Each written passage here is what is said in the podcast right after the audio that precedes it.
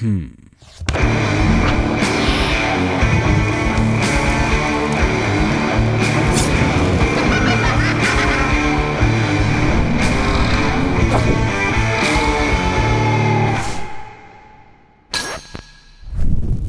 Zdravo svima, evo nastavljamo dalje sa našim projektom, odnosno specijalnim projektom u saradnji sa Sarajevo Film Festivalom, drugu godinu za redom, kao što smo pomenuli već u prethodnim razgovorima, ovog puta u partnerstvu sa Mastercardom. Inače, da podsjetimo još jednom, Sarajevo Film Festival i Mastercard već nekoliko godina za redom imaju specijalnu nagradu za promovisanje rodne ravnopravnosti. Tako da čekirajte nju svakako, a mi ćemo sada, vi ćete sada imati prilike da čujete razgovor sa autorima dokumentarnog filma Snajka. U pitanju su Tea i Mirsad, oni su istovremeno i bračni par, on je poreklom sa Kosova, on je Rom sa Kosova, ona je iz Zagreba, dakle Hrvatica i ono o čemu film govori zapravo jeste o tom, tim kulturološkim razlikama i o načinu na koji su oni uspeli da prevaziđu sve stereotipe, sve predrasude i da očuvaju ne samo njihov odnos, nego i da iz svog života, do svojim životom pokažu i dokažu zapravo da sve prepreke koje tradicionalno postoje na ovim prostorima mogu da budu prevaziđene. Šta je snajka? Koje je značenje snajke u različitim kulturama i na koji način ona nosi veliku međunarodnu i univerzalnu ljudsku vrednost, saznaćemo iz raz razgovora koji sledi. Teja i Mirsad, dokumentarni film Snajka. Uživajte. Teja, Mirsade, dobrodošli. Hvala vam. Hvala na pozivu. Kako ste? Pa super. ja isto, odlično. Vama je premijera bila juče, je li tako? Ovdje na Sarajevo Film Festivalu i kako je prošlo? međunarodna premijera. Pa bilo je super, bilo je baš lijepo, bilo je ono dosta popunjeno kino. E, imali smo nakon toga kao panel razgovor na temu i došli smo iz Prizrena gdje smo osvojili tu Audience Award, pa je isto bilo kao mm. ono, lijepo, lijepo sve skupo. A, vi ste pravo iz Prizrena došli ovdje, ne? Da, da, da, da, da. A, sa da. Wow, sjajno, sjajno. E, kakve su reakcije publike, mislim, ako imate razgovor nakon filma, sad već imate sa dve publike ono iskustvo, pa kao da li ste primetili neke ono sličnosti kada su pitanja u pitanju i ono i teme koje ih zanimaju? Pa je, mislim ono u Prizrenu Prizren je bio da, možda malo više ljudi, pa on nekako onda su imali ne direktno pitanje, više bi organizirano to što su oni dali priliku da mi pričamo malo više u filmu. Mm. I ovdje je bio malo ta drugačija gdje su direktno došli na pitanje kako ste radili film, zbog čega je napravljen i onda tu je bilo malo dublje ono komunikacije. Meni je u Prizrenu, ali zato što on je išao doma, ja sam ostala još dva dana u Prizrenu, mm. pa sam onda sretala ljude po cesti koji su mi prilazili i dijelili svoje priče, tako da meni je tamo bilo dublje. Pa mislim u tom, u tom stilu da, tamo je zato što već smo bili više dana tamo i mogli smo ono, susretiti ljude u tim kafićima ili na ulicu i da su komentirali o tome.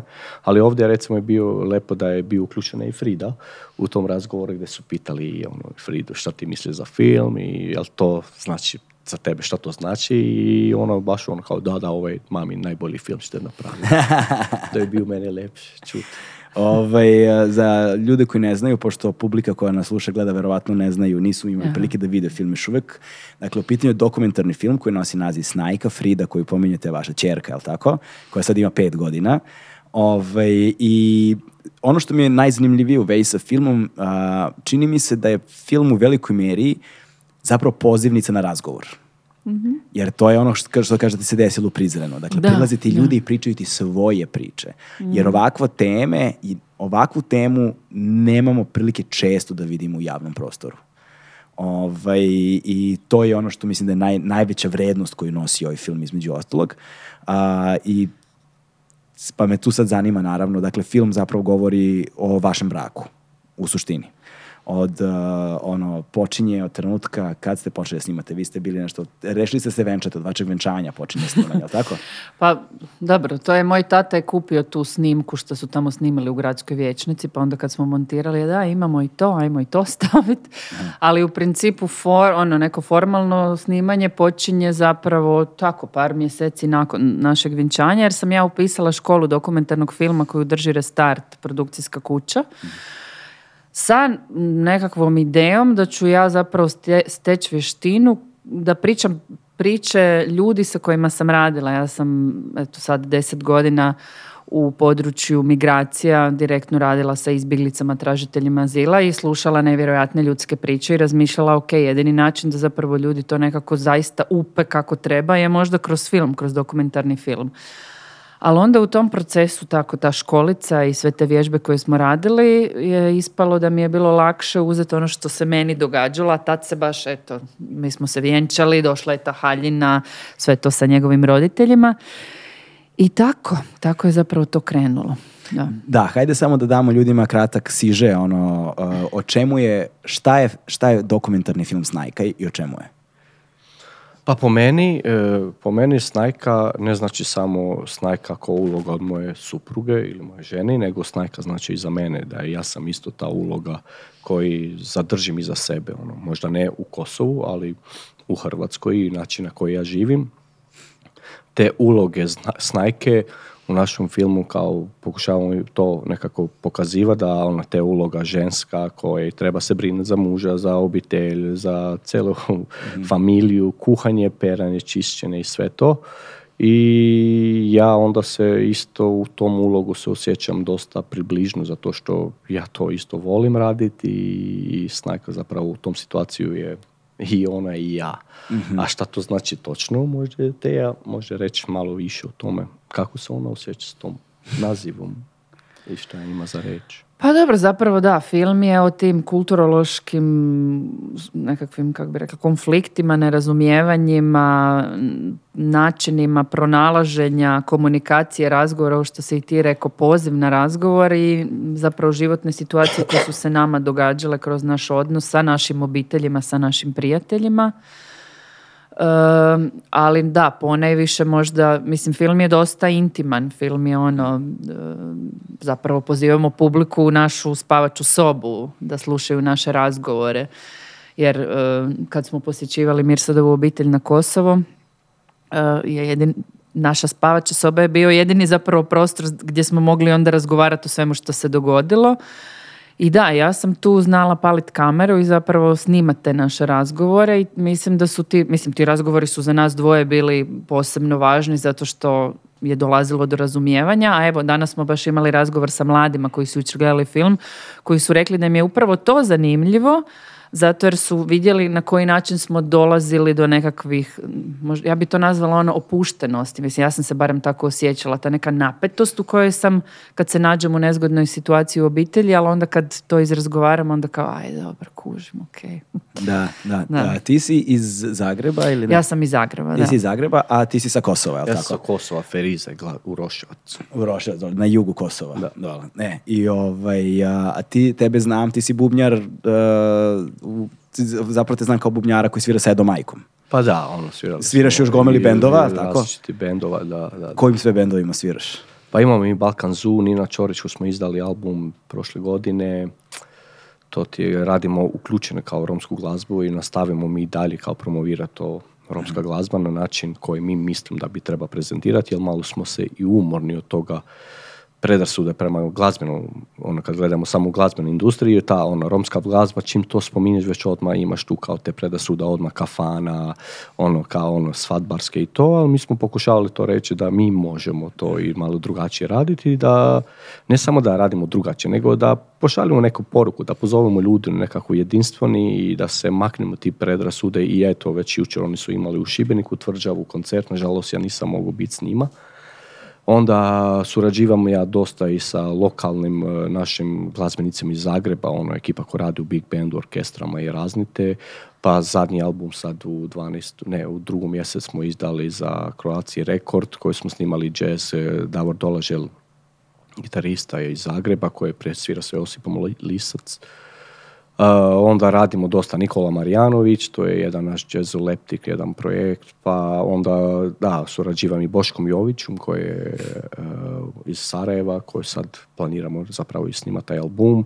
Već smo svirali u Lisinskom zajedno, tu je bio onda i gost Amira Medunjanin i surađivali smo zapravo i dan danas još, ono, stalno je nekakva kompilacija, snimanje, koncerta, svirke, tako da, da, dobro, iz dokumentarnog filma sam shvatio da je karijera muzičara odskočila malo.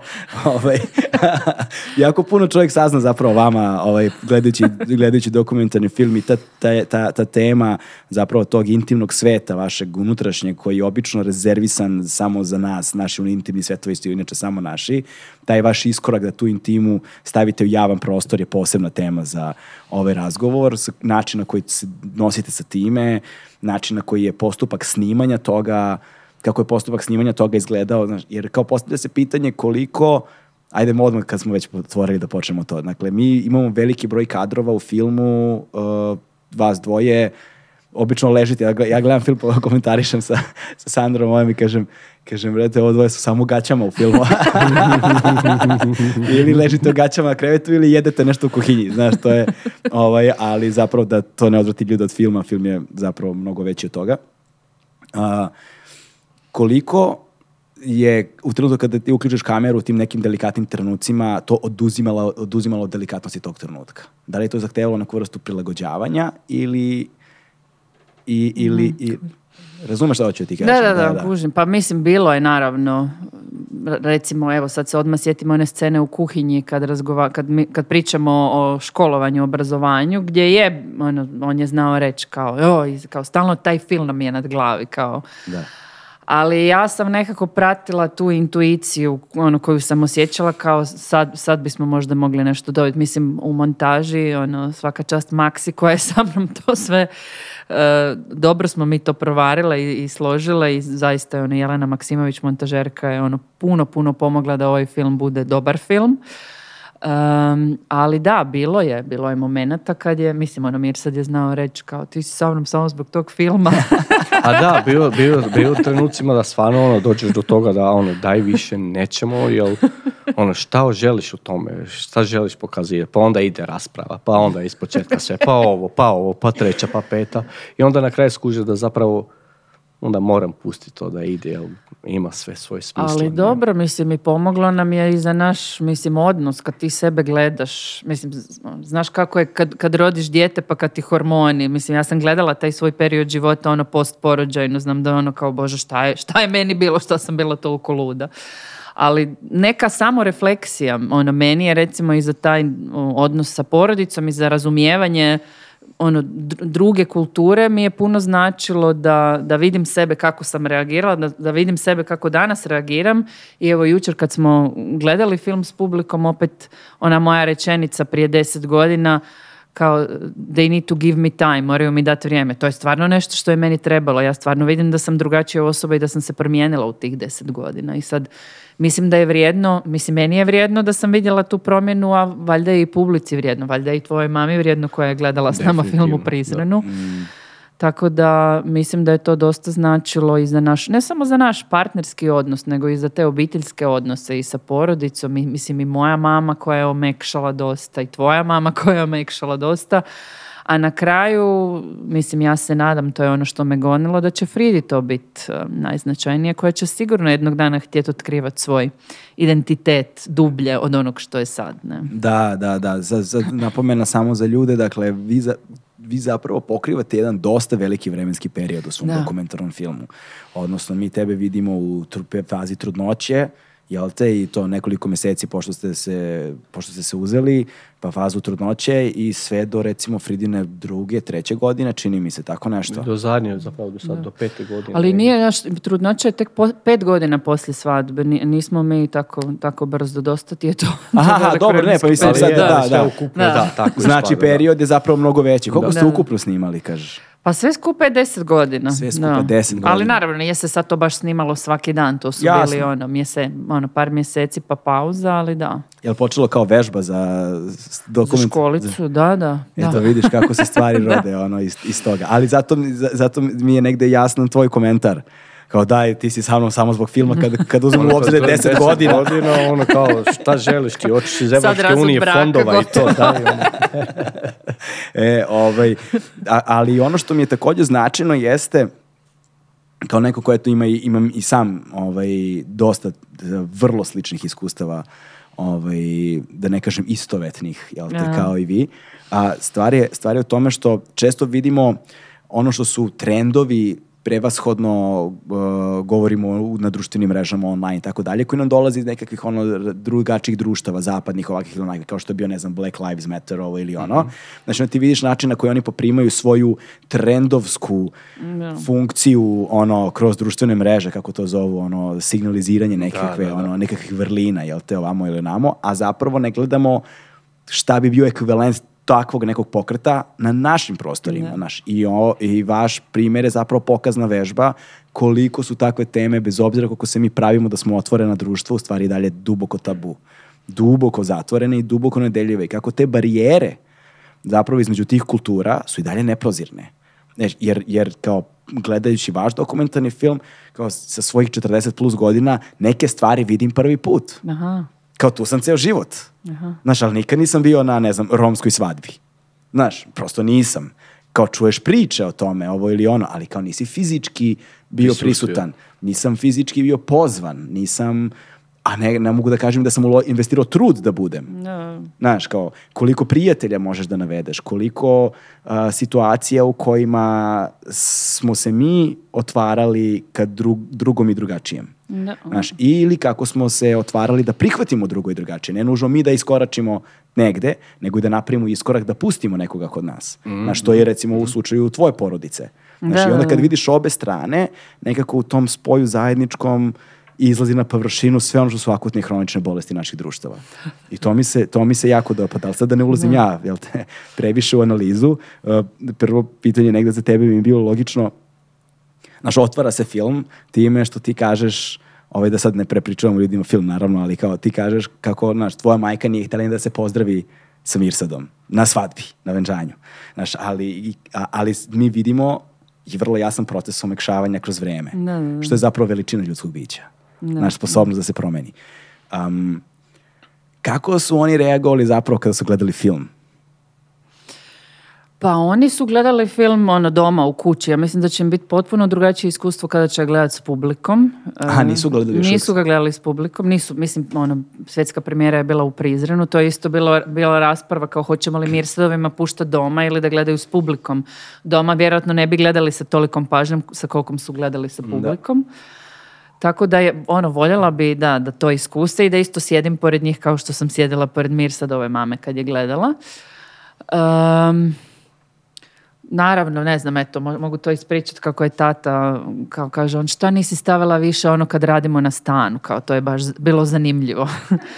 Ali, da, oni su zadovoljni. Ja sam se najviše bojala mamine reakcije i, znaš, ono, kao strepila se strana šta će sad reći, hoće li reći da nešto kao nije dobro da mi se ne sviđa, ali zadovoljna. Kaže mm. da je, kaže da je dobro, ali eto sad eh, ono ja naravno javljam sad kako, kako je bilo u Prizrenu, kako je tu, pa pričamo.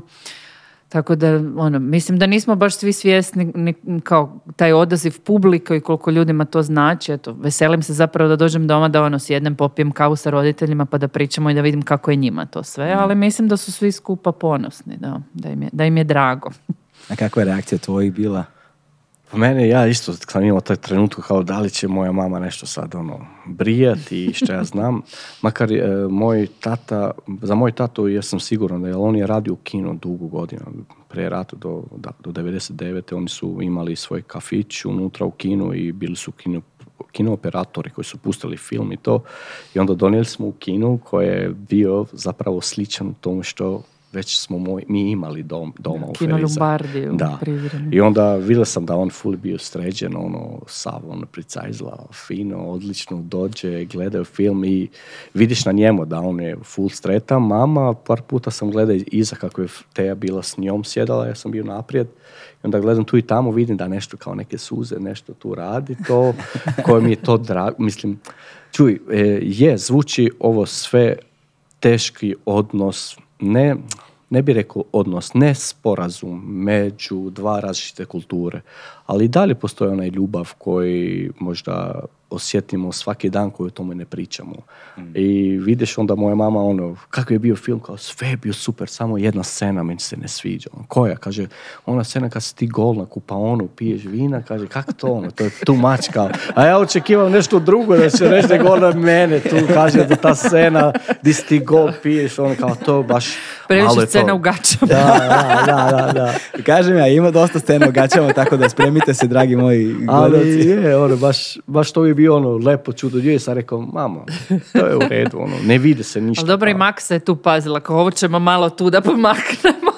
A da, to sigurno, da. da. Pazi da se ne vidi nešto, Ništa. Ono. A ti si bio kao, pa šta tako na plaži isto, znaš. Pa ja, onda komentiram to, jer mama je, kao njezina mama je bio u pa dobro, ono, tada smo mi već se uselili u našem stanu, nismo imali ni vrate još, ono, kupaonu. Da, to je. Ono, je rekao, pa šta. To je važan ono, detalj. Ono, pa je, ono, je, mislim, ono, mi smo se preselili u našu kuću kad nije bio ništa uređeno, samo jedna mala soba, jel' nam je bilo ti devet da, ono, ono, što je zanimljivo jeste da zapravo ta paralelni tokovi priče za koji prate vaše živote, tako da mi tu dobijamo i uvid u neke druge stvari. U, u, dobijamo uvid u, tome, u to kako, znaš, vi ste morali na trenutku i da se vratite kod tvojih u kući da živite, a, imali ste ono, uspone i padove, brojne vrlo teške trenutke kroz koje trebalo prebrodite zajedno. Ono, ono što je dragoceno u svemu ovome jesu zapravo to što primećuju mladi vrlo dobro, vaši razgovori. Jer ti razgovori pokazuju kako zapravo treba hendlovati jednu takvu situaciju. Znaš, to je pokazna vežba kad smo pod stresom, kad smo emocionalno rastrojeni, kada smo ovakvi onaki, kako treba da razgovaramo s mm. jedne strane, kako dolazimo do razrešenja s druge strane, ovaj, ali negde opet da uprko svemu tome možete nekako da nastavite zajedno dalje. I onda postoje te situacije, tačno se vide trenuci kada se ti nalaziš u okruženju koje tebi teško, teško ali onda s druge strane vidimo tebe kada odete na Kosovo dole, ovaj, posebno na svadbi one scene, gde ti deluješ tu kao da ne pripadaš. Znaš, i da se ne snalaziš zapravo. I onda te frustracije isplivavaju na površinu i to zaista jesu trenuci kada čini mi se brojne veze ne bi opstale. Mm. Prosto brojne veze ne bi opstale. Onda me zanima šta je to, mislim naravno pored ljubavi, ono, kako tehnički prebrodi, kako se ono fizički prebrode te trenuci. Znaš, sigurno je bilo trenutaka velike sumnje, ne samo za vaš odnos, nego i za sam dokumentarni film. To da, da. ne šta ovo radim, neću snimam više. Znači, trebalo ti da snimaš isto tako i tamo. Da. Pa je, mislim, ja mislim da je apsolutno normalno da svaki odnos ima uspone i padove i pomišljaje da, da treba da se odnos prekine. Meni je možda najteža naša faza bila to kad je došao COVID, pa je Mir sad ono zaista kao umjetnik, ono svi umjetnici su zapravo tad pali financijski i on je, mislim, imao si baš onu krizu kao ne želim da moraš, kao on meni kaže, ne želim da ti sad moraš proživljavati ovu težinu sa mnom. I tu je onda bio taj moment kad smo se opet morali uzdizati, mislim, nije to, nije meni to, prolazimo zajedno, ne, zajedno ćemo mi opstati kroz to, ali... Um, da, mislim ti razgovori, ali možda ja mislim da je naše najveće bogatstvo što mi jedan drugom dajemo slobodu da budemo ono što želimo biti, a da smo i dalje zajedno, ne ograničavamo jedan drugog. Ja njega, mislim, budi umjetnik, budi muzičar, iskušavaj svoje stvari koje ti želiš, evo sad on mene podržava, ja sam napustila svoj radni odnos u kojem sam bila deset godina, sad ja pokušavam nešto drugo, tako da mislim da su to ti neki daš, vratiti se i mislim da je to nekakav temelj našeg odnosa. Naravno onda je tu Frida. Zato mi je važno reći, nije Frida došla odmah kad smo se oženili, nego postepeno gradili naš odnos, odlučili da ćemo imati dijete, došlo je to dijete, tako da sve nas to drži nekako ono zajedno i skupa. Ehm, I to, mislim, prijat... ne je kao to ljubav, ali je i prijateljstvo, znaš. Mm. Ja stvarno osjećam da si ti, ono, moj, moj drug, prijatelj. Pa naravno, pa ako ne osjećaš to, šta ćemo ti Idemo odmah. E, ali primetio sam da ste vi zapravo u početku filma govorili dosta na engleskom jeziku. Da. Da, to je bio moj najveći problem. Ne najveći problem, nego ja nisam znao hrvatski. E pa to, ja zanima me zapravo, nisam puno saznao o tebi, znači kao kad si ti došao u Hrvatsku, kako si došao, znam, vidio sam kroz film da su tvojim roditeljima bile potrebne vize do koji su teško došli. Pa i mene isto, da. Da, mislim, objasni malo samo to, pošto pretpostavljam da ljudi ne znaju. Pa je, uglavnom e, državljani sa Kosova, svima treba viza za bilo gdje, ali još nisu oni priznali puno države i, i doslovno ne možeš ti putovat. Mislim, ja sjećam moju prvu vizu kad sam dobio, imao sam 18 godina, bili smo sa bendom, išli svirati u Berlinu, i to je bio najveći šok za celu Kosovo. Kako ovaj mlad dečko je mogu dobiti viza, a čekaju ljudi, ono, pričamo ljudi od pet do deset tisuća ljudi koji ide dnevno da bi apliciraju za te viza i nisu mogli dobiti. Sreća smo imali da smo bili pozvani preko organizacije, pa onda su tu nam pustili. I to je bio recimo taj prvi put. A uglavnom kad sam došao u Hrvatskoj, mi smo se kako upoznali u Ljubljani, tamo smo išli u tom e, projektu gdje smo se ono, imali smo te predstave, Theatre dio Oppressed je bio i tako smo bili u Ljubljani deset dana i kako smo se upoznali, onda ja sam imao volju da dođem u Zagreb, ali kako mi treba viza, onda naša prijateljica zapravo, koja je moja kuma, Helena, koja je u tom vrijeme radila u Kuterevu, Eh, selu, jel tako? Selu je u Kuterevu u Hrvatskoj gdje se paze za medvjede i hrani i čuvaju i sve to. I onda mene su oni pozvali kao službeni da ja dođem tamo na tri tjedna i tako sam ja dobio vizu za prvi put. Mhm. I tako sam onda ja došao u Zagreb, pa malo onda te je došla kod nas u Kosovo. Čekaj, znači vi ste se upoznali u, u Sloveniji. da, ste u Ljubljani, se upoznali. Dakle, eh, ti si bio dakle, u okviru tog dramskog projekta teatar... Uh, teatru the Oppressed. Potlačenih, da. da, da, A ti?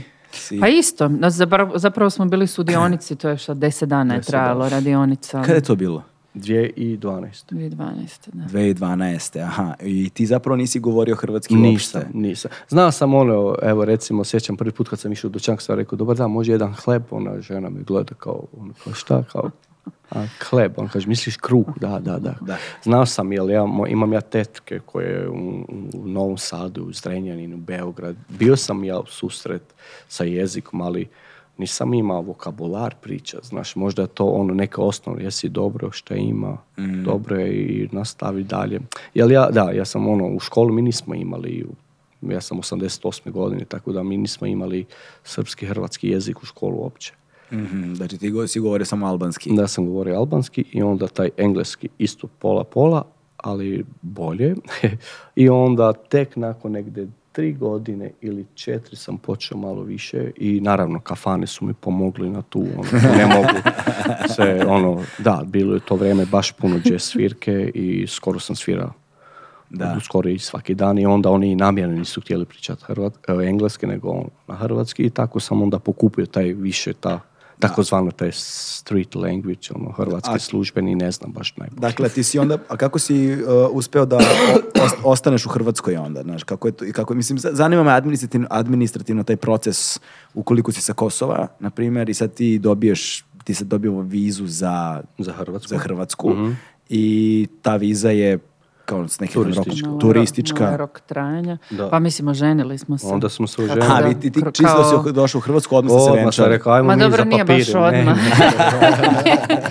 nije baš odmah, četiri, ali četiri relativno meseca. brzo, da. Relativno, I onda brzo. kao A, znači ste se, kao bili ste u vezi, ali i za papire malo. A?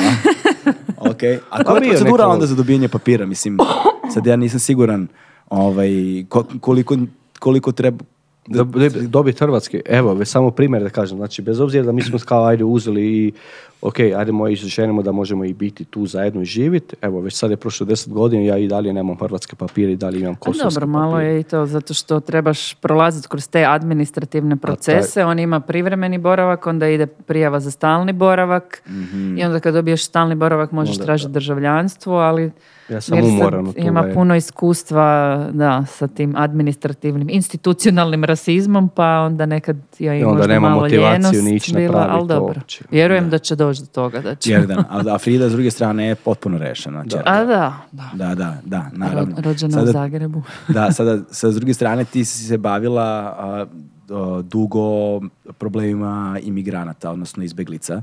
Ovaj, kako ta situacija izgleda u Hrvatskoj? I šta si ti tamo zapravo tačno radila? Aha, pa da, mislim, ja bih rekla još uvijek sam ja povezana sa kolektivima, inicijativama, pojedincima koji se bave tim pitanjem. E, dakle, migracija, integracija, ljudi koji dolaze u Hrvatsku. Jako se mijenjalo, mislim, ja sam počela u onoj fazi kad Hrvatska još nije bila članica Europske unije, pa onda radila kad je postala, tako da je, recimo, mogu reći da taj period prije, to je uvijek ono, puno toga mora da se poboljša, popravi, da uskladimo zakonodavstvo. To je onda bio jedan procvat nekakvih prava i poboljšanja uopće sustava. Onda kad smo ušli u Europsku uniju je malo to nekako padalo. Fortress Europe. Da, puno ljudi koji ne znam je dobilo, ono čekaju da dobe azil i zaštitu, onda kad je dobe onda je ta borba opće sa preživljavanjem i životom u Hrvatskoj, a onda recimo ova faza ulazak Hrvatske u Schengen, pa e, ponašanje hrvatske policije prema migrantima koji pokušavaju ući u zemlju na granici, puno nasilja koje se događalo, mislim smrti na granicama koje se događaju, mislim da je najpoznatiji onaj slučaj smrti djevojčice Madine iz Afganistana koja je, koja je stradala na e, tračnicama zato što su nju i njezinu obitelj hrvatski policajci poslali nazad za Srbiju i zapravo je donesena presuda Europskog suda za ljudska prava da je Hrvatska odgovorna za smrt te djevojčice. Mislim da je položaj da migranata u Hrvatskoj izazovan, da je ljudima dosta teško, mislim i dosta ljudi koji su dobili azil u Hrvatskoj Hrvatsku napuštaju upravo zbog te težine. A mislim, moram reći da i dan danas još na granici Hrvatske i Bosne ima puno ljudi koji pokušavaju ući, koje vjerojatno je to i u ovom trenutku se prema njima nasilno ponaša, tako da je da, situacija izazovna i teška i kao što kažeš, da, Fortress Europe, Hrvatska je ulaskom u Europsku uniju mi zapravo preuzimanjem te nekakve geopolitičke pozicije na granici zapravo preuzela i tu igru Europske unije. Da, Nije to samo u Hrvatskoj, toga ima i u drugim rubnim zemljama. Da, graničara, policajaca, ono, da, tako i sa Mađarskom, sa Hrvatskom i sa brojnim zemljama tog tipa. Ono što je meni e, posebno zanimljivo bilo, dakle subjektivno zanimljivo bilo, jeste posmatranje priče negdje iz tvog ugla. Mm zato što sam sa tvojim uglom mogao lakše da se poistovetim. Sada je to potpuno subjektivno, potpuno subjektivno, ali ima jedan divan roman pisca Hanifa Kurešija, uh mhm. ovaj, koji nosi naziv buda from Suburbia, odnosno Buda iz mhm, predgrađa, uh mhm. -huh. Ovaj, gde on imenuje jedan fenomen koji je meni vrlo zanimljiv bio, nazvao ga je casual rasi, rasizam, znači kao casual racism. to je onaj rasizam koji se dešava, koji je društveno prihvaćen i u opšti, koji ljudi koji ga praktikuju apsolutno ne primećuju i kad im skreneš pažnju oni se čuđavaju pa znači ima nemaš ti pojma šta pričaš, nisam ja, ne, daj Bože, ali se zapravo time, tim tom stereotipizacijom samo potvrđuje da je još gore. potvrđuje taj društveni status ovaj, u društvu uopšteno. I u, negde u svega u dva, tri navrata si ga samo jednom ili dva put pominjala i super mi je bila ta dinamika vašeg odnosa gde se prebacuje s jedne strane na drugu polako, gde u početku kada je tebi neko dobacio na bicikli, valjda, šta, da, taj, taj da, trenutak da, u filmu, gde si ti njemu bila rekla šta ćeš se ti tući kao, znaš kakav je to način, a onda sat vremena kasnije u filmu kad tebi neko dobaci za Fridu, da je ona, da je ona tamnoputa, a ti si tako bela, sigurno nije tvoje dete. Onda si rekla, pa Mirsa sad ipak bi u pravu, treba razrešavati ovo. Ovaj. I tu se vidi negde i naš, tvoja mhm. promena, eh, odnosno frustracija uz, čini mi se, susretu sa time na mhm. sobstvenoj koži. Znaš, kako, zanima me sada to iskustvo, kako ono izgledalo iz tvog ugla. Pa da, mislim, ja, to, evo i danas kad smo razgovarali s ovim mladima, ja nisam imala zapravo puno prilike eh, ja sam čitala knjige, učila na fakultetu kao student, kao sociologinja, ali da, dok ti to ne iskusiš na svojoj koži, dok to ne postane dio tvoje obitelji, zapravo ne, ne znaš šta je to.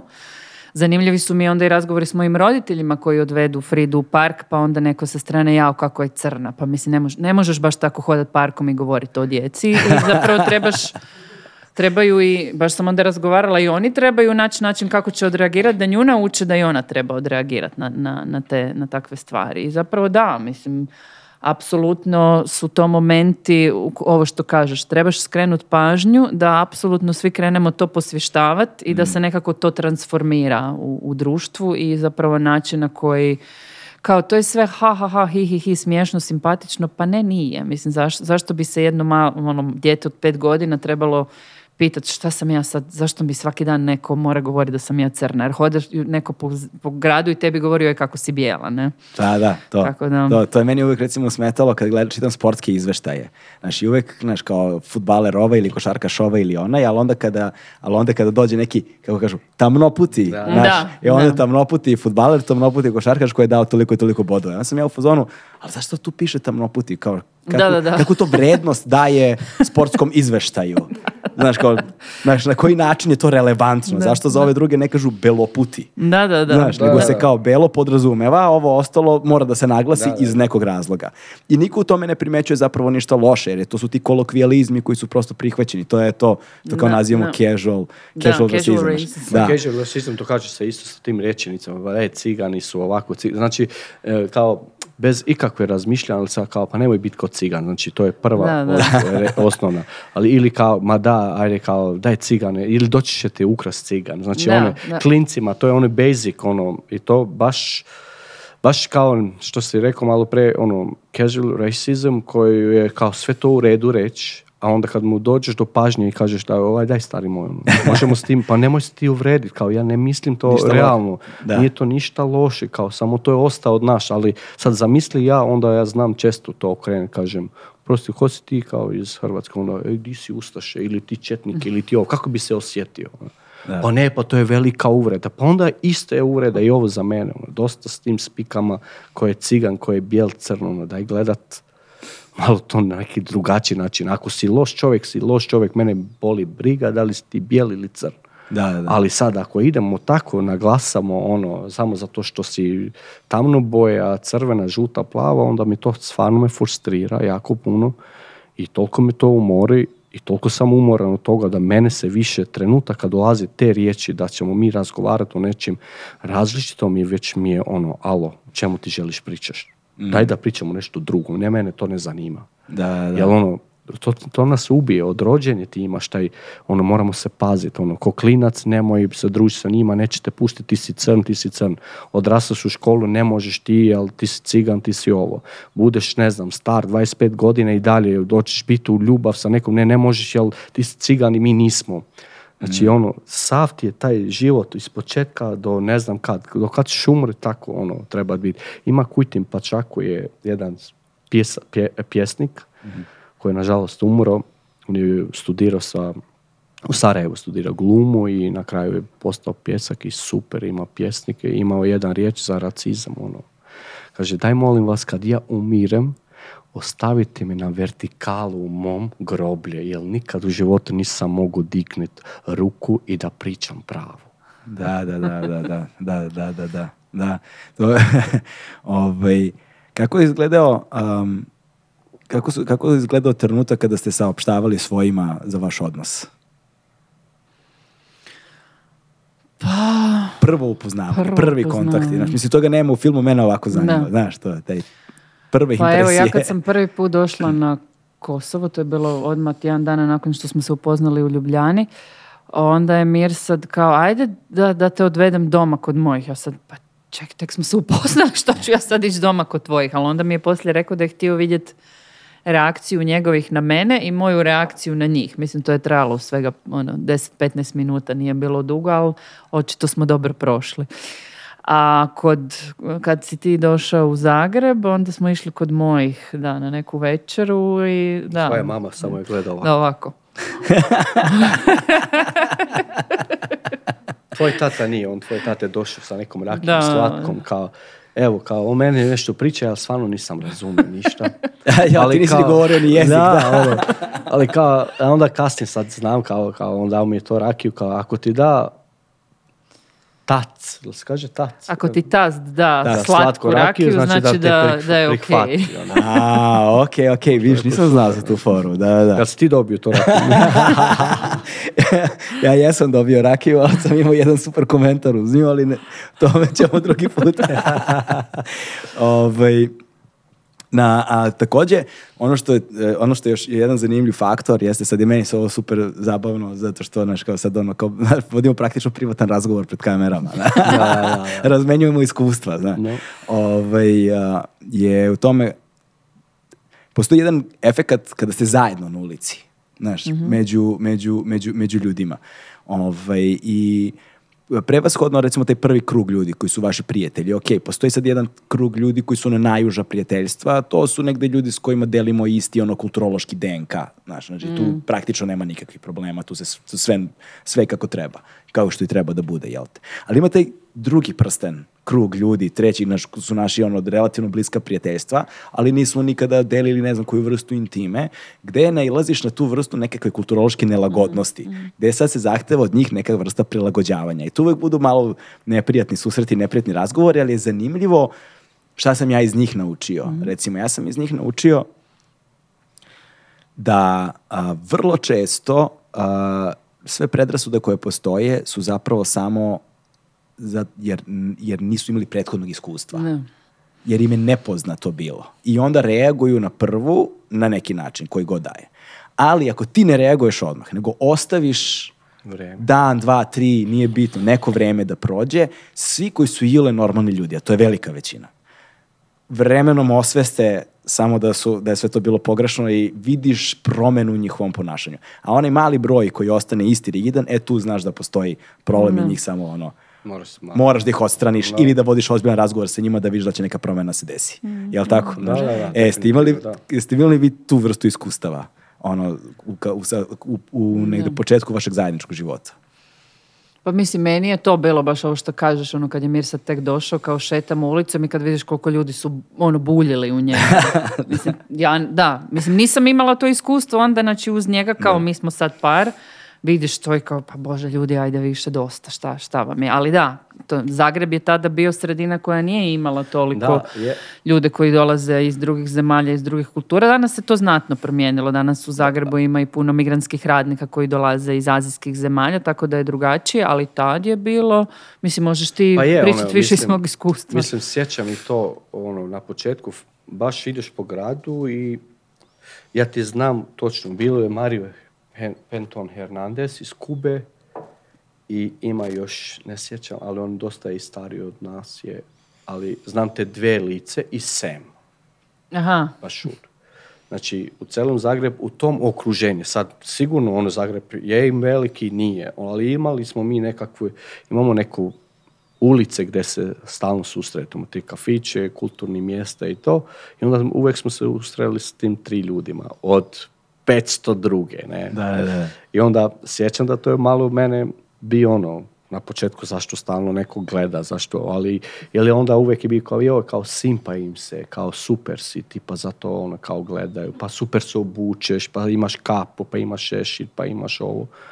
Ali sećam da puno vidljivo je bio taj racizam koji ono mogu si vidjet a danas definitivno nije u Zagreb to zato što što već si rekla da ima puno više ljudi. Mm. Pre si bio malo friški, ono, nešto ono crn, kao, ok, a sad više ne, imam konkurentu čovjek. to sad više nisi tako poseban. više poseban. Ali definitivno, ako govorimo o diskriminaciji, nažalost, i ona ima svoju višeslojnost. Mhm. Nije ista diskriminacija suda. Postoje kulturološki obrazci koji su nam ono, kroz popularnu kulturu ovako i onako prihvatljiviji. Mhm. Znaš, i postoje oni koji su nam isto tako kroz ono kulturnu kontaminaciju neprihvatljivi. Romska zajednica je vrlo verovatno, ako ne najdiskriminisanija, onda među najdiskriminisanijim od svih mm. a žive ovdje u Balkanu već e, prema nekim mitova ono od šestu stoljeća. A to su neki mito, ali mo, ja mogu reći sigurno, evo, pod, prema mojem obitelju, moj, moj pra, pra deda je rođen tamo. Znači, ako je moj pra, pra deda je rođen, pa onda njegov pradeda. tata, pradeda, pa moj deda, pa moj tata, to su već negdje tri do četiri generacije rođeni ovdje. Mm, da. I, a nikakva društvena integracija se zapravo prava na neki način nije desila. I nije se desila ni dan danas, mislim, u tom, u tom nekom pogledu i čini se postoje kulturološke barijere neke gde jednostavno ne ostavlja se otvoren prostor. I tu mislim da je zapravo vaš film strahovito značajan. Jer vi tek sad treba da krenete na turneju, da prikazujete taj film i da razgovarate, znaš, tako da, mislim, imali ste tek dve projekcije, ovdje ono, u Sarajevu i u Prizrenu, koje su vam sljedeće? E, pa sljedeće je Makedox, dakle u Skopju idemo na Makedox festival i onda idemo u Hrvatsku, imamo premijeru u Opati na Liburnije film festivalu, a istog dana će film biti prikazan i u, na Rab film festivalu. Tako, eto, za, sad, za, sad, je to to. tako da čeka vas lagano, lagano turneja da razgovarate s ljudima. Ali ono što bih ja voleo, sad ovako, moje mm. želje, znaš, sad neko je to stvarno, opet negde stičem utisak da kada dođeš na filmski festival ti ipak imaš posla sa jednom već raslojenim društvom u kome otprilike nemaš ono neku opštu populaciju da kažemo koja je tu došla. Ovaj, ali kada bi recimo ovakav film bio prikazivan, ne znam, završnim razredima srednjih škola, mislim da bi to bio jedan značajno mm. drugačiji mm. efekat. Mm. Sad ne znam da li postoje nekakvi planovi, razgovori, kako bi mogao taj film da dođe do jednog šireg da. auditorijuma, do većeg broja ljudi. Da li će, ne znam, imati bioskopsku distribuciju, da li će, ne znam, biti dati ili do pregovaran sa nekakvim televizijama za televizijsko emitovanje, da li će, razumete što ću joj kažem? Da, znači, da. nešto da, prosto, da, jer ovakvi slučajevi su u kulturnom stvaralaštvu, umetničkom stvaralaštvu vrlo redki. Da, da, da. Znači, u, moderno vreme šta meni pada na pamet? Eventualno ima kristija Novak, ima roman Aha. Ciganin najljepši, koji je sjajan, dogori, koji se dešava u Međimurju, koji isto ima jedan odnos, jedan od narativa je upravo odnos kakav vas dvoje imate, ali ne znam da li ima još nešto puno toga. toga Mislim, ima još jedan roman koji znam, ali je stariji nešto, tako da nema puno takvog sadržaja. Da. Pa mislim, plan je da ide film u kino distribuciju i ono, sa producentom i sa, ono, sa restartom razgovaramo i da možda upravo ovo što si rekao, da se ono i neki edukacijski aspekt uzme u obzir i da se sa mladima razgovara. Evo, mi smo jutro se razgovarali sa mladima iz Zapadnog Balkana i stvarno je bilo divno jer su i oni podijelili ono, neke svoje priče. Čak evo, jedan momak je rekao da bar dođe ovaj film u moje selo pa da ga gleda moja baba, tetka i da onda malo razgovaramo o snajkama. Tako da da, nadam se da, da hoće. Eto, mislim, publika stvarno ono, reagira, reagira sjajno. Ali ja bi možda samo još rekla da ono što je meni zanimljivo sad kad pričamo o položaju Roma, da je zapravo kontekst dosta različit e, u Hrvatskoj, nego na Kosovu. Mislim, zato što se na Kosovu romske zajednice dijeli na ono, raje, community Roma, da, Aškali, Egyptians. Ne znam, morat ćete mi objasniti Eto, to, to može Mirsa da. objasni, ali malo je drugačiji kontekst, onda i možda to nekako kao i suživot i, i jer evo baš je danas ova djevojka sa, iz Crne Gore rekla da ona je imala iskustva da je ne znam u školi išla sa, eh, sa djecom koji su Eh, koji dolaze iz romskih zajednica. U Hrvatskoj pak ono, mnogi Romi su mijenjali prezimena da bi mogli bolje proći u društvu, da bi dobili posao, da bi ne znam dobili kredit. Ima puno ljudi koji skrivaju taj identitet da bi bolje prošli, a ja mislim da ga baš treba slaviti, da, da se treba ponositi sa svojim romskim identitetom, ali da, diskriminacija i rasizam su ti koji ljude zapravo dovode u taj položaj da to ne rade, da bi preživjeli. Pa sjećaš ono kad sam ti prije rekao ono, u Zagreb negdje mi sviramo, neki koncert smo imali i dođe neki lik kao, E, ja sam taj, taj, taj, ne sjećam sad više ime, ali ono, bijeli dečko gledaš ga, ono, bez ikakve, ono, ne gledam ja sad da li ko je on, šta je. I onda kao, hej, moram ti reći nešto, ja sam isto cigan, ali nemoj nikom reći, molim te, kao. Onda mene tu već je bio ono kao, ok, nećeš to reći, sve u redu. Ali ima takvi jako puno slučaja. Misliš koji je to nekog mešovitog braka ili... Ne, pa ne, ne, ne, koji je rođen bio dečko, baš čak živi negdje blizu uh, trga Bani Jelačića. ženin je, e, žena mu je Hrvatica, djeca su tamo doslovno radi kao neki profesor negdje u školi. Dobro, nema ga sad otkrita. A onda, je, onda, onda, jednog dana sam vidio televizor, ne se. Ali doslovno da, ima takve stvari i onda poslije ja sam radio jedno vrijeme isto u jednom udrugu u Zagrebu koje je sve bio super do, dok nisam saznao neke stvari, onda mi je žao da sam radio, ali ne žao da sam radio sa klincem, to mi nije žao, apsolutno to bi volio raditi, ali žao mi je sa nekom osobom tamo koji je bio jako veliki prevarant i to mi se ne sviđa. I uglavnom, u Hrvatskoj da, ima taj podjelnost gdje ljudi ne želi pokriti svoj identitet ono, ili moraju menjati prezime kako si rekla i to, ali u Kosovu kod nas to nije. Mm. E sad reci mi kako je situacija na Kosovu?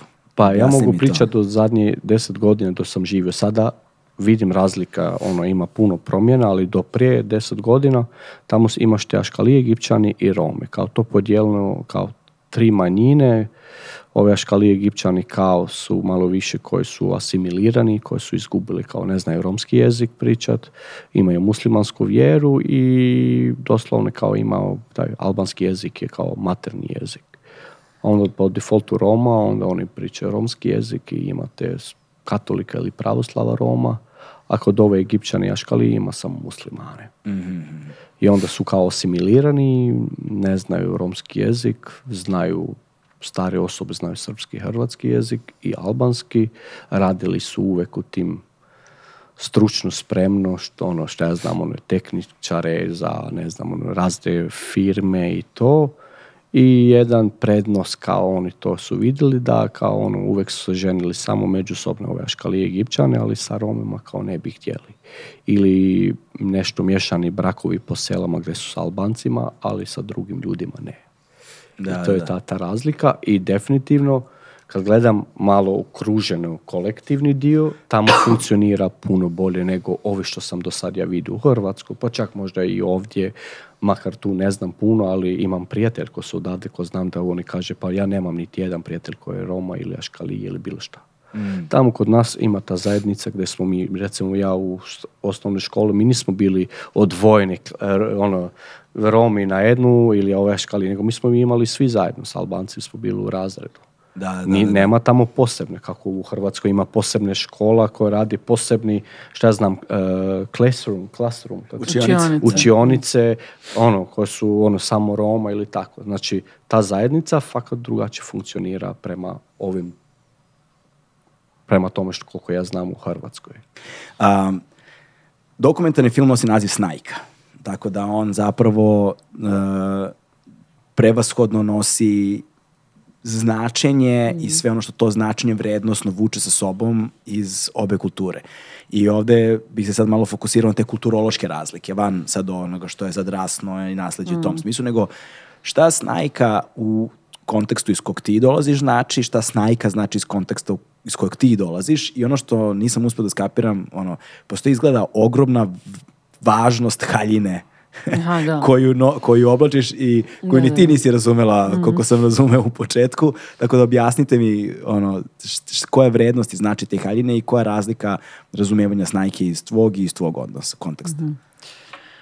Pa dobro, ja recimo sam to učila kad smo se upoznali, malo, malo više o toj snajki. Ja sam znala u Hrvatskoj kao snaha i kao iz tih starih vremena šta se očekivalo da je snaha ali onda kad smo, kad moja obitelj je onda vrlo brzo nakon što smo se mi oženili, moji roditelji su s nama išli na Kosov kao da se upoznaju i onda je tu bio taj moment prvi put te haljine i malo više oko te snajke i tako sam ja onda malo više oko tog upoznavala.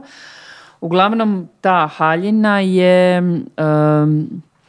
dio onoga što bi se možda reklo miras, na Kosovu se kaže baba hak, znači ono kad se, kad se ženiš, onda ono što kao obitelj od e, mladoženje kupuje i daje mladoj i onda ona to nosi ne, da, dalje u svoju obitelj, tu su sad ne znam haljine, zlato i tako dalje, ali ta haljina je onda važan simbol zato što um, znači da si sad kao se ti udala, ali onda kad ideš na druge svadbe nosiš tu haljinu i plešaš sa njom i u principu pokazuješ šta si ti kao snajka dobila od obitelji u koju si ušla. To onda i TV, ono. baba, baka Mirsadova isto objašnjava kao kad ideš na neke svadbe da se obučeš, da te drugi vide, da, da, da vide da smo mi to za tebe kupili ali ja sam to otkrivala kroz film. To je isto onaj neki moment kad oni kažu pa normalno, ali, kao šta je normalno, meni nije normalno, moraš da mi objasniš. I onda isto tek na svadbi sam ja, kad smo bili na svadbi od njegovog rođaka, shvatila da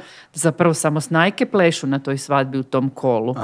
I onda se one mijenjaju, znači ove šta vodi svadbu kaže evo sad na, na početak kola dolazi ova, onda se, onda se tu skupe iz uže obitelji pa se pleše pa se mijenjaju haljine i to je taj moment koji ja nisam znala na svadbi zato se mi raspravljamo jer je plesala mislim žena od strica, ja nisam došla dole da plešem s njom jer nisam znala, tako da to je sva, sva ta neka simbolika kao ne da imaš samo jednu haljinu nego da ih imaš više jer Čekaj, onda... ti te haljine presvačaš u toku svadbe? Da, mislim ja nisam jer ih nemam, ali da. Znači, to je, ono, postoji posebna soba gdje se onda snajke presvlače ima, ima se nekoliko tih haljina. Ne? Wow, Ko ima najskuplje, to je već najbogatiji obitelj to bolje živi i sve to. To, to, to. Znači, Kuži. šalju se vrlo jasni signali i poruke da. zapravo da. kroz te haljine i njihovo presvlačenje. I onda ti neki pozdravi, to isto. Nisam to nikad vidjela do te svadbe. Ne znam, ta friško valjda udana snajka uđe u salu i onda radi nešto sa rukama. Kao pozdrava ljudi, ali nema kao pozdrava ovako, nego ona ima neki mimik, ono, to je body language. Ono. Da, da, da. da hello, da, hello, ono, sjedite, sjedite, hvala. To je taj. Govor tela, ceo koji da, da, da, Samo što sam ja onda isto kroz teh i sad, znaš, u nekom momentu kao ti, kao djevojka, kao pa dobro, kao igramo se malo barbike, sad ću se ja obući haljinu, pa se kad je ona ono. Ali, pa mislim, s vremenom shvatiš da, mislim, uzmiš li tu haljinu, šalješ krivu poruku. Mislim, ono, bit ću snajka kad neću biti snajka, znači mm. nema to smisla. I onda se zapravo dešava nekakav unutrašnji konflikt sa tobom. Da, da, E sad je, sad je tu ono što je vrlo zanimljivo. Dakle, s jedne strane, kulturološki, identitetski, identitet je važan. Mm. Znači, ne možemo da kažemo da nije. Veštačka je tvorevina, ne možeš da izvediš krvi da utvrdiš identitet, ali, ne, ne, ali je neodvojivi deo nas. Mm. I onda, s jedne strane, ne možeš da ga odbaciš u potpunosti, kažeš kao ćao, mene ovo ne zanima, ali s druge strane, to što si rekla, ako ga prihvatiš u potpunosti, ti šalješ i krivu poruku ili sebe osuđuješ na nešto mm. na što možda nisi spremna ili ne želiš. Gde se nalazi kompromis? Znaš, koja je prava, linija, koja je prava mera, koja je prava linija, kako se nalazi to? To je ono što sam ja tražila zapravo kroz ovih deset godina i kao stalo sam se pitala jel sam ja trebala uzeti tu haljinu pa je obuć pa da Mirsadova mama bude sretna. Ali evo možda mogu sad reći da sa ovim posljednjim dolaskom, jer nakon prizrena smo mi proveli tjedan dana sa, sa Mirsadovom obitelji i uvijek nakon, ono, nakon pokazivanja nekih scena iz filma kao da, kao da se bude malo više opuštenije. Sad mi je jasno da, da sam dobro napravila da nisam uzela tu haljinu zato što smo našli kompromis. Na, naši našli smo kompromis da ja nisam išla kontra sebe i kontra svoje privatnosti i onog što nije meni ugodno da se radi sa mojim tijelom a da opet možemo funkcionirati kao obitelj i da ja kad se osjećam ugodno da budem s najka, da skuham nešto, da operem suđe, da donesem čaj, kavu. Mislim ono normalno ljudski što bi radili u užoj porodici. Mislim da, je da je, zapravo kompromis na kraju vrijeme koje smo si dali, neko poštenje jednih drugih koje smo našli i možda da se trudimo biti ono bolje ljudi zbog, zbog djece koju imamo i koja nas onda nekako najviše povezuju a sad di će se Frida naći u tome svemu tome, ono, to me zanima. Dobro, do, efekta unučeta ćemo doći, znaš, jer to poseban efekat, ovaj, posebno kad su Babi i dede u pitanju, tu nema greške, pardon, ali kako, je taj porodični pritisak izgledao s tvoje strane? Hm. Hm. hm. hm. Pa znaš šta, evo, moram biti baš ono, iskren da moje su se sa mnom nekako navikli iz početka da ja stalno sam odbio te, ono, te kulturne, tradicionalne, šta ja znam. Ono, sjećam dok sam bio još mlađi kad bi oni pričali ili bi gledali nekakvu cd ili trake koje neko su ženi onda ovi moji kao uvek skomentiraju kako je dobra ova haljina, kako ovo, ja sam uvek bio protiv toga, kako je to glupo, koliko pare vi trebate potrošiti, ili ste vi normalni i bla, bla, bla. I onda nekako su se navikli na tome da ja neću baš imati taj način niti svadbu, niti ženu koja će to baš ono tradicionalno i whatever. Ali da, onda je počeo pritisak kad je kad je prvi put došla, kao, a, pa onda moramo kupiti jednu halinu. I oni stalno žive na tom halinu. Znači, njihov život je halina. Ono, ali stvarno, baš ono tako, ono, šta god da bude neka svadba, odmah je asocijacija, e, trebam kupiti halinu, jer sad će neko ženiti. Pa ali, mislim, znaš, kontekst u kojem živi tvoja obitelj, tvoja mama u Ferizaju ti je to, dućan s haljinama, dućan s ćevapima, dućan sa zlatom, dućan sa mobitelima i to je to. Mislim, I, i naravno da ono, žena jedva čeka kad će doći njena snajka da ju obučemo u haljinu, da idemo na neku svadbu, onda dođem ja kažem neću. Da, da ne ide više na ćevape i na, da. nego da idemo malo kupimo haljine. da, i, na tom perspektivu ne znam, ono, oni su bili nekako i spremni da ću ja ima takav partnericu, ali nisu valjda i bili 100% sigurni da ona neće, jer imamo mi puno drugi brakovi koji su od naše rođace, bratiće, šta ja znam, koji su par nije prihvatili ono taj način života. Sjećaš jedno, da. nije bila cura koja je uživala na tom ulogu, jer ona je imala haljine ono brda toga, ono, osjeća se ko Barbie, ono, najveće na svijetu. Da. I onda, onda šta se desilo? Onda desilo to da onda ostavi odjednom. Svađaju se i ostavi i sad sve izgubi to što je dobila, jel ono, brat, bratić više nije bio ženim sa njom i ono, propao brak, a haline, ako idemo brojiti novce, to je 25-30 eura samo haline. Zlato još tolika, ono. Ali uglavnom da, iz moje perspektive ja, mene to nije ništa ne znači. Jedino je malo znam da mi je bio teško kad bi oni nagovara, kao ja bi idem nešto čistim spremim, kao ne, ne možeš ti, zašto tvoja žena to nije radila? I onda tu gledaš kao, pa ne treba ona to raditi, ono, zašto? Ono, evo, ja ću raditi, jer ono sad zauzeta je spava s malo mora uspavati. Mm. Ali to su neke sitne stvari koje onda oni sada to više ne traže. Evo, zadnji put kad smo bili, sjećam da smo pričali kada i da uzmemo neke haline koje su malo veće, Znam, znaš o čemu pričam. Za haline da uzmemo kao da nisu kraće, da i ne bude kao neugodno da... Mhm. I onda mi dođemo doma i onda dođe moj brat i svojom ženom i njegova žena stalno je gola, ne? I onda ona pa kaže, pa kaj? Gola. Pa mislim gola. Stalno je ono, tim majicama sve se vidi vani i onda baš ona rekla, kaj si ti meni to rekla da obučem toliko haljine, vidi nju. Ima puno otvorene odjeće nego i ja. Da, ne znam, to uloga za mene ne znači ništa. Vrlo jednostavno. Da. Ne znači ništa, nima to ako što znači, ja sam rekao, ja ću biti ta uloga kad dođem, ako baš hoćete tako. Mm. Ali nju kao ne trebamo to. A u kom trenutku ste počeli da primećujete zapravo kompromis sa obe strane porodica? Dakle, ono, obiteljski ili kako god. Dakle, da, da, da, da je, ta, mhm. da je ta barijera prvobitne rigidnosti na primjer, počela da popušta sa obe strane. Da ste videli zapravo da postoji ono, aha, mhm. uspevamo u ovome što radimo mhm. i pokazuje se nekakav put, da, da zapravo nekakav middle way, nekakav srednji put, da ovo sve zapravo može da funkcioniš, da ima budućnost. Mhm.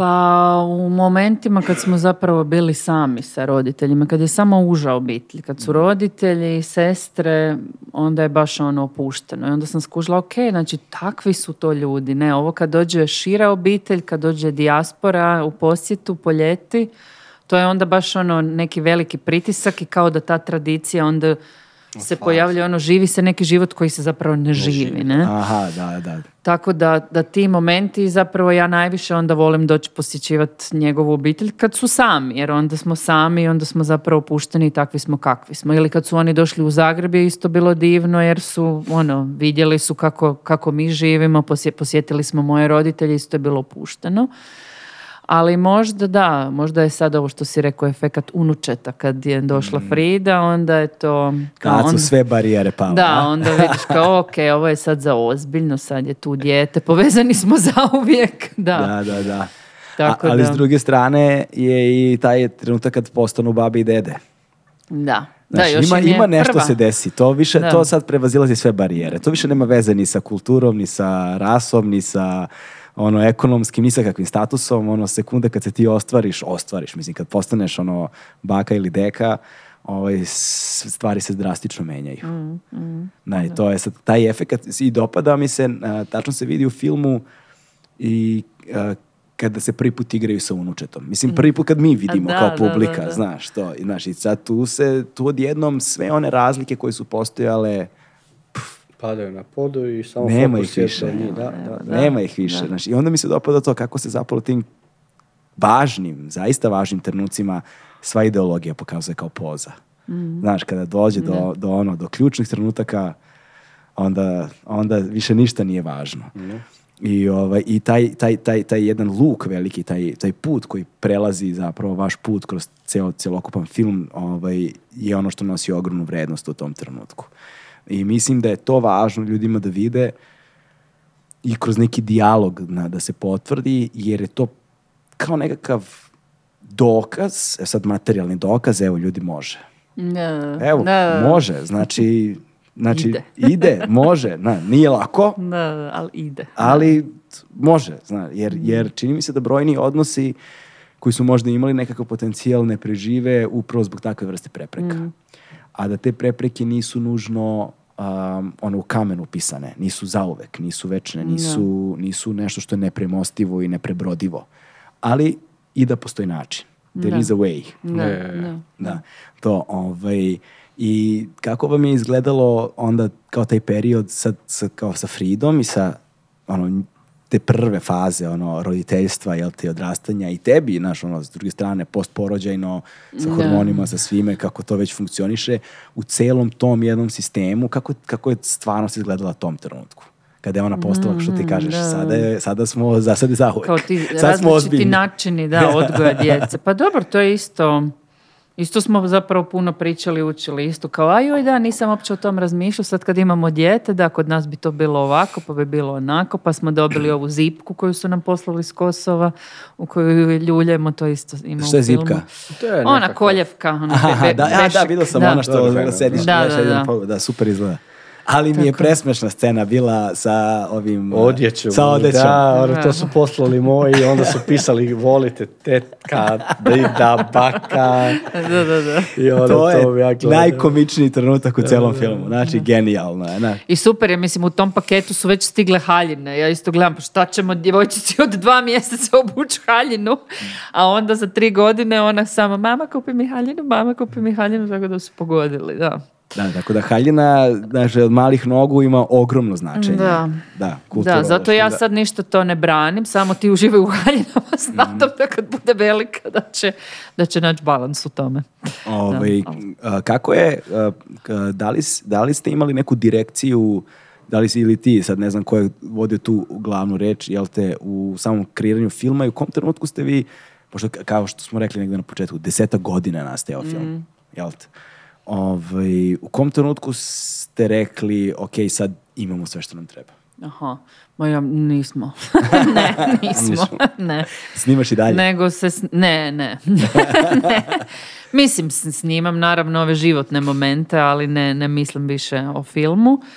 Ehm, ne, nego jednostavno u nekom trenu je trebalo stat, ehm, što je isto, mislim, ovisilo i o, o ono, produkcijskom smislu kao ko će podržati film, gdje smo prošli, ono, kako ide sa produkcijom, sa koprodukcijom. Ali, mislim, mi smo od uvijek znali mi ćemo taj, taj film napraviti kako god da to prođe, bit će kakav će biti. Eh, i zapravo moment kad smo odlučili ok, idemo sad u montažu da gledamo sve materijale i da onda zapravo iz tog što imamo da radimo film. Eh, naravno da bi sad moglo tu još, da smo snimali bi možda bilo još nekih momenata i danas su nam pitali da li su neki momenti propušteni, mislim jesu da, nisam ja baš mogla snimiti apsolutno sve, neki momenti koji su bili, koji bi bili vjerojatno sjajni za film nisu snimljeni ali mislim da smo svejedno uspjeli ono da složimo neku priču i eto, opet ću spomenuti Jelenu Maksimović, Maksu koja je, ono, zajedno smo, so mi je isto fenomenalno što je ona inzistirala da ja sjedim s njom u montaži i da mi zajedno to, na tome radimo, jer sam ja puno naučila, a i kroz taj razgovor smo zapravo napravile dobar film. Da, to je ta beskrena zahvalnost montažerima koju u javnom prostoru nikad ne dobijaju ono, a naš, odgovara su pite pravili. Da, da, doslovno. Kakve materijale su sve uspjevali, s kakvih materijala su sve filmove uspeli I to mi je super bilo kad smo sjeli, kad je Maksa meni rekla, a znaš da ti nećeš baš biti simpatična u ovom filmu? A ja kažem, pa ne radim film da budem simpatična, ali dobro, eto. Pomogla je da, da možda budem a dobro, znaš, tvoja inicijativa čini mi se da je važna dosta. Pa znaš, jer, jer bez tvoje inicijative i bez tvog konstantnog postavljanja pitanja i suprotstavljanja otpora, znači nekako u filmu se tvoj otpor najviše vidi. Znaš, ovaj, tvoja patnja je nekako tiša bila u svemu tome. Znaš, i ima tih trenutaka kad baš ono, ti njega konfrontiraš u tom nekom pogledu kao šta ćeš sad ti da čutiš i da radiš sam svoje, da nas ne opterećuješ, znaš. Ne. Ovaj, to je nešto sa čime se treba ono, u okviru balkanskih stereotipa suočavati također, znaš. Ali sad, da ne širimo priču ono previše. Ovaj, um, ali kako je izgledao proces, ono sad sediš u montaži, jesi ti sedao u montaži možda s njom? Nisam, nisi, nisam dakle. htio. nisi hteo? da, ne, nisam ti si kako, znači ti si film video kad je bio gotov tek? E, pa bilo je raznih katova i faza, 50 katova. Da, bilo puno. 50 pa verzija, da. 50, wow, to je baš dosta Prvo ovaj, verzija. Pa ovaj da, da, da. Ali ja nisam gledao sve, ja sam gledao možda... Pa dobro, ovo pred kraj. Pred kraj, da. Mm, kakav ti je bio efekt kad si prvi put video? u, bio sam razočaran par puta, kao, ko što je ovo, gdje su one scene gdje smo mi to radili, onaj taj, super. Ali da, onda kad gledaš par puta, ne mislim sad razočaran zbog filma, nego razočaran zbog scene, ti znaš sve što smo snimali i gdje mm. su sad to, gdje je ostao ovaj dio, dio gdje je ona svirka gdje smo svirali tu, nije, gdje je onaj razgovor sa mojim prijateljem u kafiću gdje sam tada vodio među vreme jedan, kad je Frida rodila, jedan jazz klub, gdje su te razgovore, gdje su te svirke, znači tražio sam neke scene koje nisu bile unutra, ne. Mm. I onda neke stvari kao sam rekao, ne, baš ovo mi nije okej, ali onda sa vreme, onda kroz razgovor, onda zapravo skužiš šta je bitno za film i šta nije. Ja sam možda više tražio te neke slike koje su meni bili bitne. Ko moj tata. Ja. Da, više sam tražio to ono rad kad smo mi radili. Mi smo sa tatom njezin radili, ne znam, devet mjeseci u našem stanu. Mm. Ono, štrafali i svega. On je tražio to svoje seno, ja sam tražio svoje, gdje su moje, ne? Ali na kraju onda, naravno da jesam, jesam definitivno stretan, jer uspjeli smo nešto, evo mislim, ako ništa, neko će slušati ovo što sad trenutno radi, makar ne pričamo ono od jučer prekjuč, ali trenutno neko će nas vidjeti, slušati i možda ćemo nekoga motivirati. To je, mislim, za mene puno značajno od bilo šta. Ne? Mm, da. onda film je po sebi, bitno mene za Fridu jednog dana da ona zna ko su, šta su, a neko ja stalno sam istražio sam sebe, ko si, šta si, da li pripadaš ovu manjine, ne pripadaš, da li si dobar, da li nisi dobar, ne. Mm. ovako će nekako možda imati direktan kanal, kao da, moj tate su Kosova, on je Rom, pomiješao nešto te Aškali egipćani, ali zna, ali ja nisam znao ništa o tome, ono, živiš tu i stalno si ti aškali i braniš to. Ne, mi smo iz Irana, mi smo bolji od tebe. Ti nisi mm. dobar. Mi smo pravi, tu smo mi. Ali onda sa vremenom skuži da nema smisla to istražiti tako. Da. Biće lakše taj neka komunikacija, pretpostavljam. Mm, a s druge strane, a, prolazak kroz sve materijale u montaži, ajde što je mukotrpan posao, ja, ja stalno ponavljam, meni je najgori deo celokupnog procesa, ono, od ideje, do ono, gotovog filma iz čega god, najgori deo u svim tim fazama, u svim fazama ima teških delova, ali najgori deo mi je prva ruka montaže. To mi je ništa nije gore od toga. ništa nije gore od prve ruke montaže. Ovaj, ali to očavanje sad sa svim tim materijalom koji je sniman 10 godina, odjednom na jednom mestu, hronološki poređan i ti ga gledaš. Da. Znaš, kako taj trenutak izgleda, kad zapravo vidiš sebe ono i u trudničkoj pa fazi i mm. deteta i kad je beba bila i ono, znaš, kad ti izađe memori na telefonu pa ti pa ono nije sve jezno, a u ovoj I onda još sjediš sa osobom koju, si koju sam teku poznala koja to gleda skupa s tobom pa si, kak je tebi?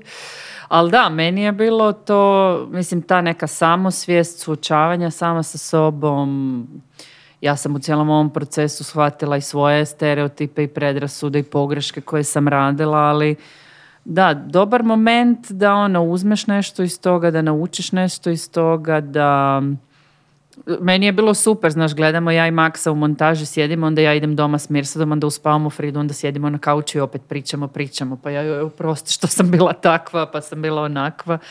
Tako da je to dosta, ja mislim da nam je ono, dok sam ja bila u montaži s Maksom, da je i naš onda odnos, nekako dosta ono, otišao na bolje. Um, ali da, da, trebalo je tu ono i dosta strpljenja i ja znam da ja ono prvo sebe sam mogla, mogla sam ili da začepim uši pa da se gledam ili da se čujem a da zažmirim, da, se nekako naviknem na to jer teško je gledati samog sebe na tom, na tom, na tom ekranu, ali da, montaža je isto jedna umjetnost da se stvori ono nešto da, da, da na kraju bude dobra priča. Tako A vidio sam također i evoluciju u slici, prosto dugo ste snimali. Da, Ja sam u početku imao utisak da li su ovo snimali mobilnim telefonom ili nekom kamerom, šta, šta li je ovo, ali kasnije kako vrijeme odmicalo, mhm. posebno recimo od trenutka kada ste na svadbi dole na Kosovu i tako dalje. Sad tu već vidim da postoji neki snimatelj i da, se tu, da. je tu stvar malo evoluirala. Ovaj, kako je taj proces izgledao i koga ste vodili sa sobom i kako su ono, tu kameru prihvatali recimo na Kosovu tvoji posebno tim svadbama, mhm. kako ste im objašnjavali, koliko su oni, kako su oni navikavali na činjenicu vi snimate zapravo dokumentarni film i da li su to mhm. znali uopšte? Da, da, da, jesu. Da, jesu, da, ne bi, ne bi, mislim, ne bi to radili da nisu znali. Jasno, da, da. Ali, mislim, kao što sam rekla, počeli smo snimat u trenutku kad sam ja upisala školicu dokumentarnog filma Restartovu, tako da su to materijali od tamo. To je neka ono basic kamera koju sam tada imala. Onda s vremenom sam kupila bolju kameru, pa sam čak dobila i neke ono lekcije i snimanja da to ono kako da držiš da je stabilno, da se okrećeš, kako da dobro složiš da izgleda kadar i tako dalje. Ali da, onda kada je ono kada smo i ono dobili neke ono financijsku podršku, onda kad smo mogli angažirati ovaj eh, vanjske, mislim Dinka Radonić, snimateljica je najviše radila, ja sam zapravo, ono, baš sam htjela raditi sa, snimateljicom i sa montažerkom, sa ženama da, da gradim ovaj film. I e, da, ona je Dinka je snimala većinu scena u Hrvatskoj, svadbu na Kosovu, jedino da nije, nije putovala ovaj, Dinka sa nama, nego su onda snimali zapravo ekipa sa Kosova. Mhm. Ali mislim da su se tu dosta onako utopili u toj svadbi zato što je to taj jedan kao oficijalni moment gdje onda ono, bilo je puno kamera i snimanja pa nije toliko nije toliko, ja mislim, bilo nešto čudno. Mi smo se dosta plašili onih momenata kad se Frida rodila, pa kad moja baka dođe u posjetu, ali to je isto taj jedan moment ono, rodilo se dijete pa su i potpuno zaboravili na kameru, dosta, dosta su dobro ulovljene. Ono, moja najdrža scena je kad bake pričaju o vizama i toliko su ono, zaboravile opće na kameru, ali i Dinka koja je tako sva opuštena i prirodna i zapravo je stvorila tu atmosferu da, da budu, tak, da budu autentične bake da. nekakve jesu, tako da... Dobro, sjajno. Dakle, film Snajka ovaj, imao je premijeru na Sarajevo Film Festivalu, pre toga svetsku premijeru u Doku Festu, čeka vas Skopje, pa onda Pula i... Opatija. Opatija, pardon, Opatija, i, i, na, i na Rabu, tako, na Filmskom festivalu tamo. I onda se nadamo da će biti da li neka streaming platforma, neka bioskopska distribucija, neki dobar televizijski deal, ono, da. bilo bi sjajno da što više ljudi vidi i ovaj film i da negde, znaš, eto, ljudi koji slušaju sada, mogu na nekom linku ili negde da prosto pogledaju i da odu neki lokalni bioskop da vide. Mislim, Al Jazeera Balkans je isto u koprodukciji, tako e, da... onda to će, da. prepostavljam, Ste film i Mobiju sa Kosova, tako da, eto, svi ono, radimo na tome da film živi svoj život. to, to. Ok, zbog čega je Sarajevo Film Festival neprocenjiv za vas? Pa, e, zbog te prilike da zapravo film ode možda izvan ovih e, konteksta u kojima je sniman Kosovo, Hrvatska, ja mislim da ovdje je ipak jedna kao međunarodna publika i da dolaze ljudi iz različitih zemalja, opet iz regiona i da smo u principu imali priliku E, gledati film, a onda i razgovarati o filmu. Mi smo bili dio Human Rights Day-a, tako da smo onda i razgovarali o ljudskim pravima, o diskriminaciji na panelu.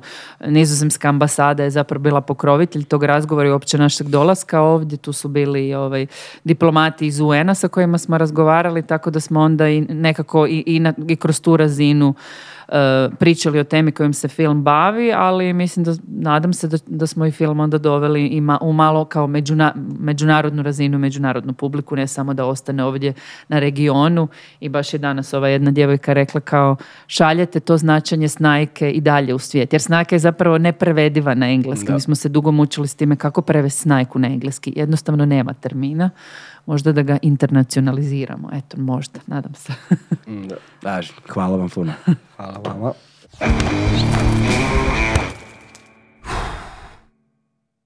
Hmm.